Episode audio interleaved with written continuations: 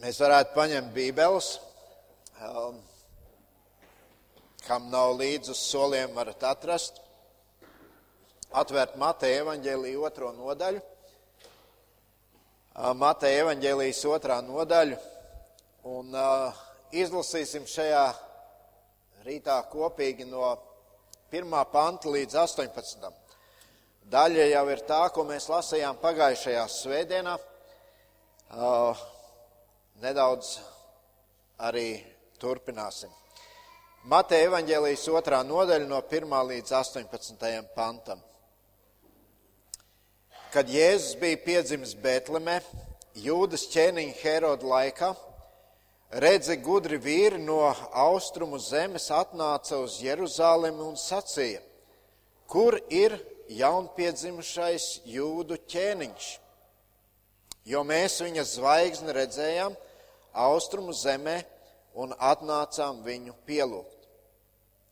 Kad ķēniņš Herods to dzirdēja, tad viņš izbijās un visa Jeruzāleme līdz ar viņu. Un saicinājis visus tautas augstos priesterus un rakstu mācītājus, viņš izzināja no tiem, kur Kristum būs piedzimt.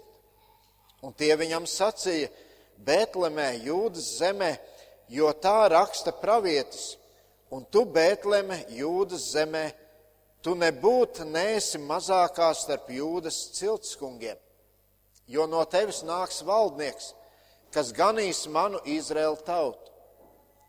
Tad Herods paslepens aicināja gudros, sīki izjautāja tiem par zvaigznes atspīdēšanas laiku. Un viņš tos sūtīja uz Bētlemi un sacīja: Eita un ievāciet rūpīgas ziņas par to bērnu, un kad jūs viņu atradīsiet, tad paziņojiet to man, kā arī es aizeju un viņu pielūdzu. To no ķēniņa dzirdējuši, tie aizgāja, un redzi, zvaigzne, ko tie bija redzējuši austrumu zemē, gāja tiem pa priekšu un nostājās pār namu, kurā bija bērns. Un zvaigzni ieraudzījuši, tie priecājās ar varenu lielu prieku un namā iegājuši tie ieraudzīja bērnu līdz ar Mariju, viņa māti, un tie nometās ceļos un viņu pielūdza. Tad tie atvēra savas mantas un dāvāja viņam zeltu, vīrāku un mirres, un sapnī saņēmuši norādījumu pie Heroda neatgriezties, tie aizgāja pa citu ceļu uz savu zemi. Bet, kad tie bija aizgājuši, redzi tā kunga eņģelis parādījās Jāzepam sapnī un sacīja: Celies, ņem savu bērnu un viņa māti un bēdz uz Ēģipti un paliec tur, kamēr es tev to teikšu, jo Herods meklē bērnu nokaut. Tad viņš cēlās, ņēma bērnu un viņa māti naktī un bēga uz Ēģipti un palika tur līdz Heroda nāvei, lai piepildītos tā kunga vārds runāts ar pravieša muti. No Ēģiptes es savu dēlu esmu aicinājis. Kad Herods redzēja, ka gudrie viņu bija krāpuši, piekrāpuši, tad viņš ļoti apskaitās, aizsūtīja un lika apkaut visus bērnus Bētlemē un visā viņas apkārtnē divi gadu vecus un jaunākus pēc tā laika, ko viņš no gudrajiem bija izzinājis. Tad piepildījās pravieša Jeremijas runātie vārdi. Brēkšana bija dzirdama rāmā, daudz raudu un vaimanu, Rāhēle apraud savus bērnus un nav iepriecināma, jo viņu vairs nav. Diezgan uh, gara rakstu vieta, bet uh, mēs redzam, ka visu laiku šeit uh, ir uh, lielākoties uh, divu veidu cilvēki. Vieni par ko pagājušā reizē vairāk Kārlis kopā ar mums domāja, šie gudrie vīri no austrumu zemes. Un pagājušā reizē mēs vairāk apskatījām, kas viņi bija. Tie bija ķēniņa sūtņi, ķēniņa iecēlēji. Un var jau saprast arī to uztraukumu, kas bija gan Herodam, gan visai Jeruzalemei, jo viņi jau nenāca vieni paši. Tur bija viņa kalpi, tur bija droši vien pat karaspēks līdzi, kas viņus pavadīja, jo viņi bija īpaši ļaudis. Un tāpat mēs redzam, tur ir šis Herods. Tur ir Herods un viņa ļaudis, kas, kura attieksme pret notikušo ir pavisam pretēji.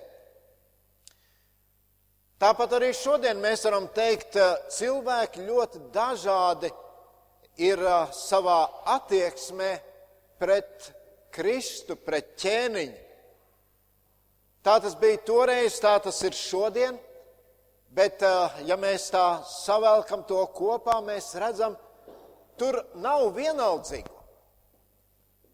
Tur ir tie, kas ir vai nu par, vai nu pret.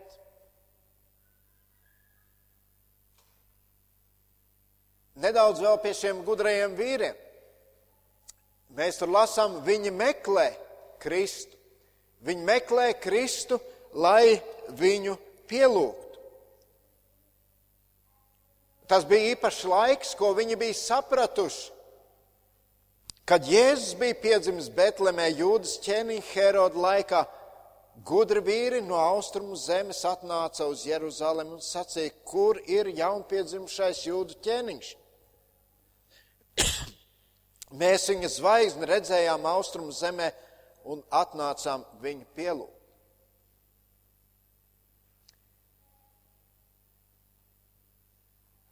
Mēs varētu teikt, šiem gudrajiem vīriem jau nebija īpaši daudz pierādījumu, kam viņi varēja pieķerties. Tur bija šī zvaigzne, ko viņi piemin. Viņiem nebija visi tie pravietojumi, ko mēs šodien varam izlasīt vecajā derībā.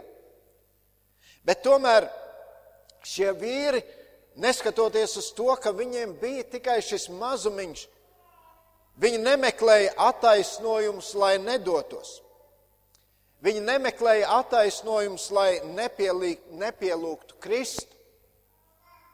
Viņi nedara to, ko bieži vien mēs darām šodien meklējam dažādas attaisnojumus.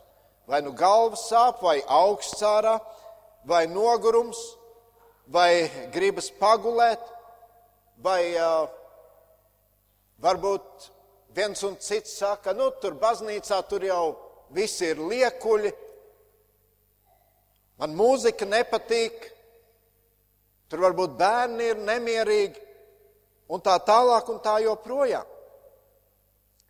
Šie gudrie vīri, mēs redzam, viņi meklēja iespēju, lai pielūgtu Kristu, nevis attaisnojumus, lai to nedarītu. Un tad ir jautājums, ja mēs par to domājam, par mūsu attieksmi pret ķēniņu, ķēniņu, kungu, kungu, Kristu. Vai mēs meklējam viņu pielūgt savā dzīvēm? Vai Jēzus tev šodien nozīmē to pašu, kas viņš bija apustulim Pāvilam, kurš saka Filipiešiem 3.12? Nevis, ka es to jau būtu saņēmis vai jau būtu pilnīgs, bet es zenos, lai to satvertu, tāpat kā arī mani satvērs Jēzus Kristus.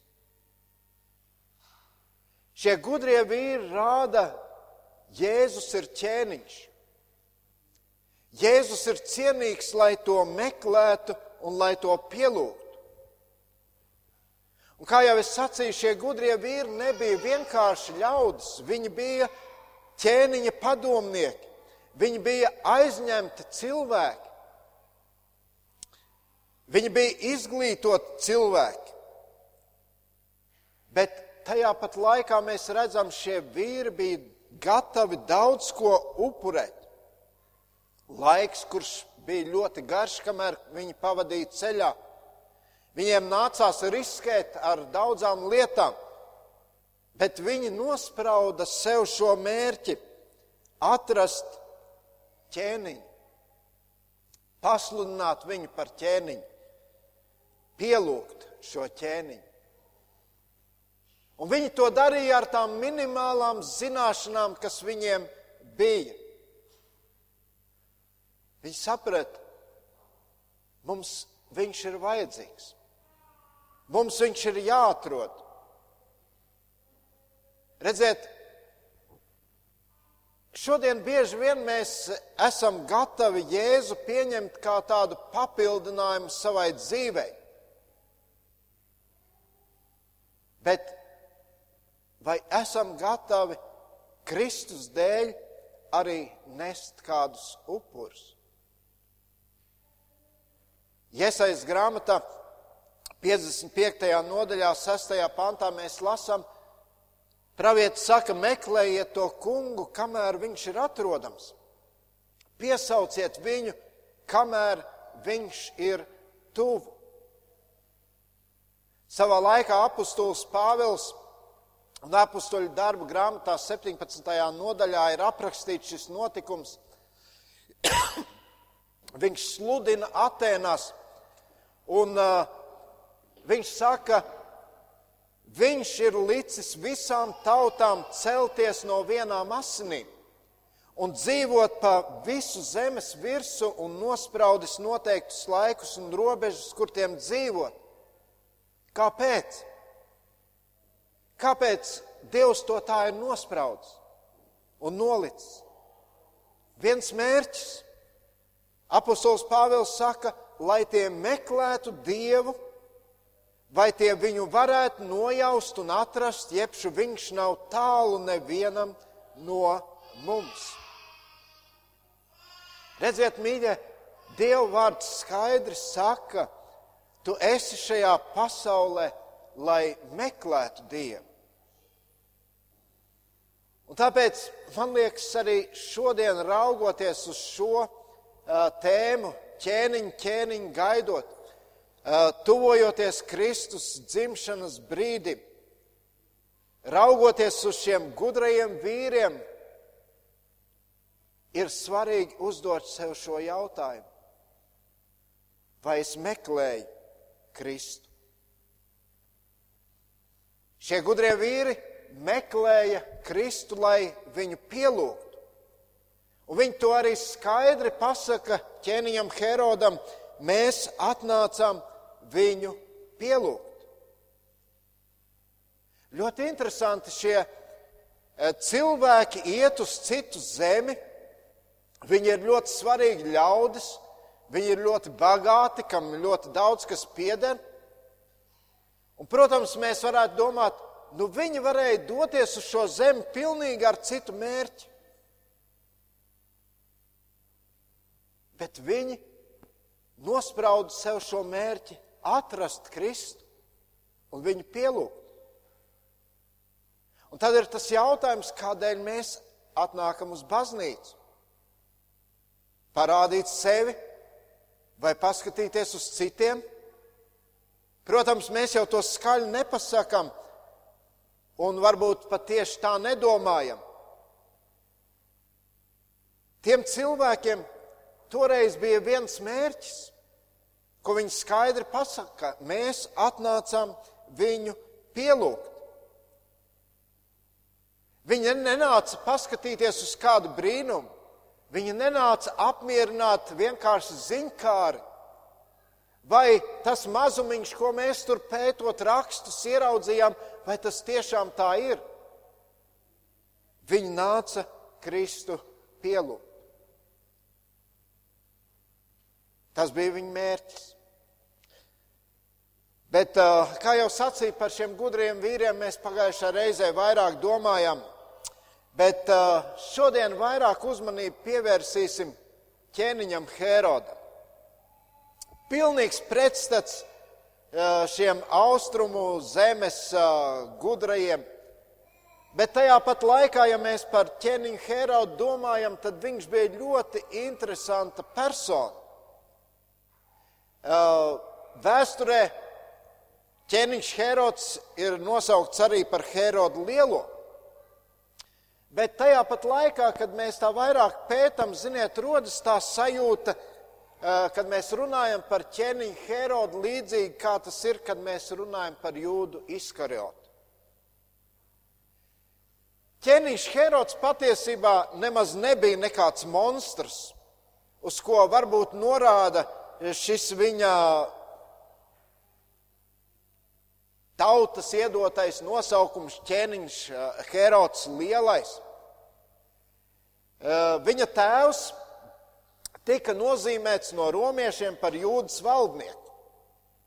Un tad nu tēvs, kā jau tēvs, izkārtoja siltu vietiņu Herodam, savam dēlam, Galilejā. Bet uh, bija laiks, kad uh, persieši centās uzsākt karu pret jūda, jūdiem. Un, Jūs atceraties, Persija bija tā zeme, no kurienes nāca austrumu gudrie. Un ķēniņš Herods, kurš bija tajā laikā valdnieks tikai Galilejā, viņš tik ļoti pārbijās, ka viņš aizbēga uz Romu. Un uh, tur Romas ķeizara priekšā, Oktāvija priekšā centās sev parādīt, cik viņš ir ļoti norūpējies par to, kas notiek Jūdejā. Un, uh, protams, ķēzars Oktāvijs uh, novērtēja šo Heroda uzticību un centību, un viņš saņēma titulu. Ķēzars viņu iecēla par visas jūdas ķēniņu. Saņēma šo titulu jūdas ķēniņš, ja dabūja karaspēku, viņš devās atpakaļ uz jūdeju un uh, Tur viņš veica lielas lietas. Viņš ne tikai atbrīvoja jūdeju no ienaidniekiem, viņš kļuva ļoti slavens ar to, ka viņš uzcēla ļoti daudz pilsētas. Tīru, Sidonu, Damasku. Cezarijā viņš uzbūvēja uh, ostu. Un uh, vairākas reizes Tad, kad šī ekonomiskā situācija pasliktinājās, viņš bija ļoti labvēlīgs. Viņš atlaida nodokļu parādus iedzīvotājiem. Tur bija pat viens tāds gadījums, ka šie apstākļi kļuva īpaši smagi, un viņš to redzot, viņš no savām zelta rezervēm paņēma, pārkausēja šo zeltu, nopirka labību, lai pabarotu tautu. Tāds bija ķēniņš Herods no vienas puses. Bet tajā pat laikā šim cilvēkam bija ļoti slikta reputācija. Un uh, tas iemesls, kāpēc tas tā bija, bija viņa paranoiskās bailes no tā, ka kāds viņu varētu gāzt no troņa. Un te nu viņš bija gatavs uz visu. Viņš nogalināja savas sievas brāli Aristabulu. Viņš bija rakstu mācītājs. Viņš bija tas galvenais templī, templī, kuru Herods pats atjaunoja. Viņš uzcēla te, templi, ieguldīja milzīgu naudu, lai atjaunotu to, bet tiklīdz viņš jūta, ka Aristabuls kļuva populārs tautā, viņš šo cilvēku noslīcināja. Nākošajā dienā viņš sarīkoja grandiozas bēres, kur raudāja, tādā veidā parādot, cik žēl viņam ir šī cilvēka. Bet viņš baidījās joprojām. Viņš nogalināja vēlāk savu sievu, divus savus dēlus. Un neilgi pirms, pirms savas nāves viņš nogalināja, nogalināja vēl vienu savu dēlu. Un tad, kad viņš jūta, ka arī viņa laiks iet uz beigām, gal galā viņš, lai arī ķēniņš, viņš nedzīvos mūžīgi, viņš jūta, ka viņam būs jāmirst, bet viņš saprata, nevienam jau tas īpašas galvas sāpes nesagādās, neviens par mani nesēros Un tad viņš lika arestēt visus sabiedrībā cienītus, izglītotus cilvēkus. Viņš aizveda tos uz Jēriku un uh, pavēlēja savā nāves dienā, ka šiem cilvēkiem ir jātop nogalinātiem. Tāds bija ķēniņš Herods.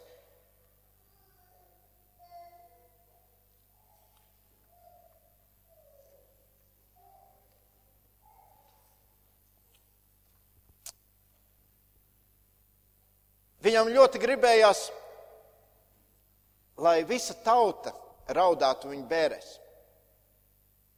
Bet viņš zināja, ka tas tā nebūs. Un tāpēc viņš tā rīkojas. Un tad nu ķēniņš Herods uzzina, ka lūk, te ir viens, kurš tiek nosaukts par jūdu ķēniņu. Protams, viņš jutās apdraudēts. Viņš sāka uztraukties.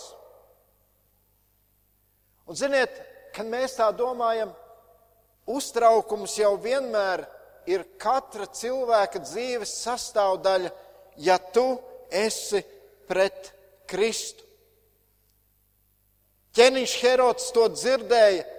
Kristus ir piedzimis, jūdu ķēniņš.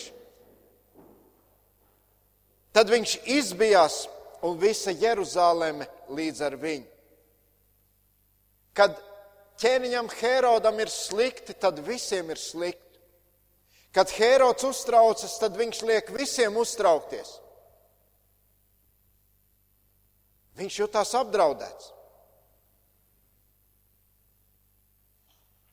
Mēs varam diezgan bieži sastapties ar cilvēkiem, lasot uh, Dievu vārdu, kuros ir šis satraukums. Tur atcerieties, rakstu mācītāji un farizēji. Viņi sekoja Kristum, bet tajā pat laikā viņi visu laiku nevarēja atrast mieru. Tur bija satraukums par kaut ko. Kāpēc? Jo redziet, Jēzus apdraudēja viņu statusu. Jēzus apdraudēja viņu stāvokli, Jēzus apdraudēja viņu ietekmi.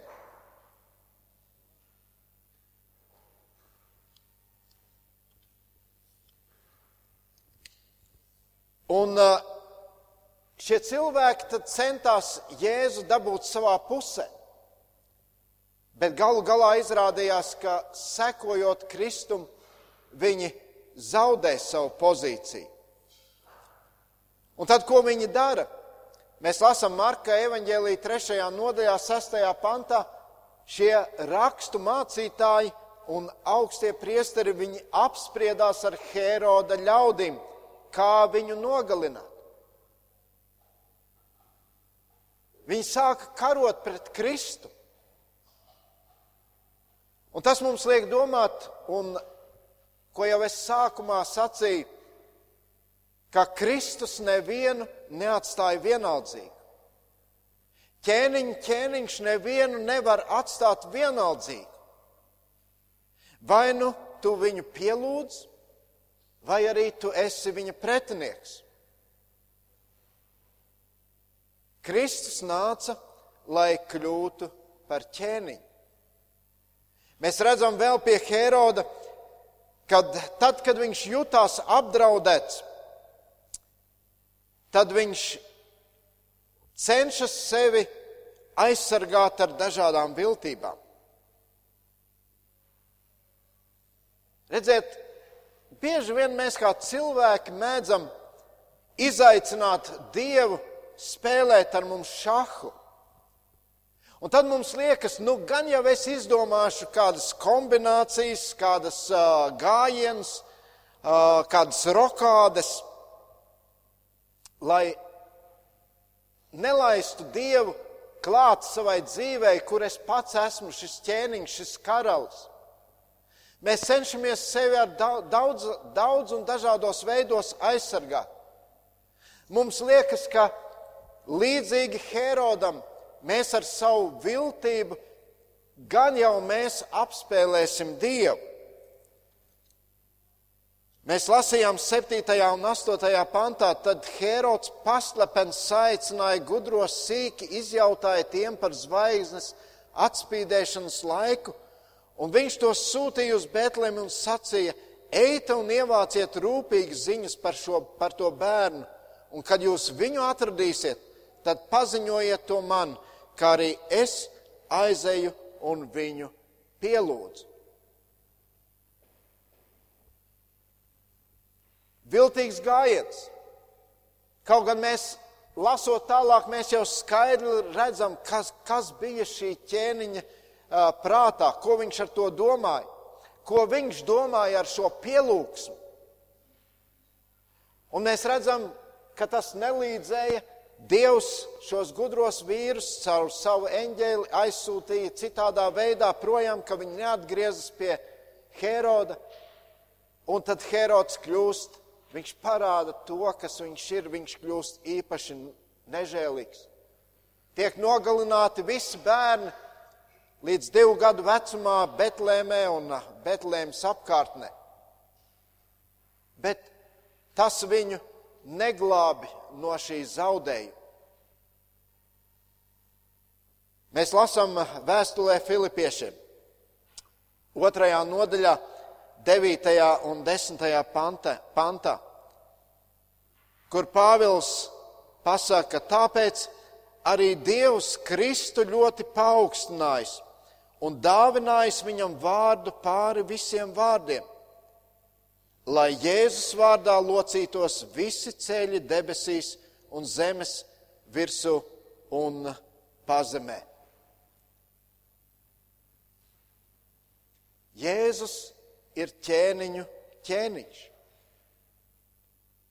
Kā tu pret to attiecies? Vai tu esi tas, kas viņu pielūdz, šo ķēniņu ķēniņu, vai tu esi tas, kas karo pret viņu? Herods toreiz iznīcināja tūkstošiem nevainīgus bērnus. Viņš darīja vēl daudzas citas briesmīgas lietas lai tikai viņš varētu būt valdnieks. Bet gal galā viņš zaudēja. Zaudēja Kristumu, kurš ir ķēniņ, ķēniņš.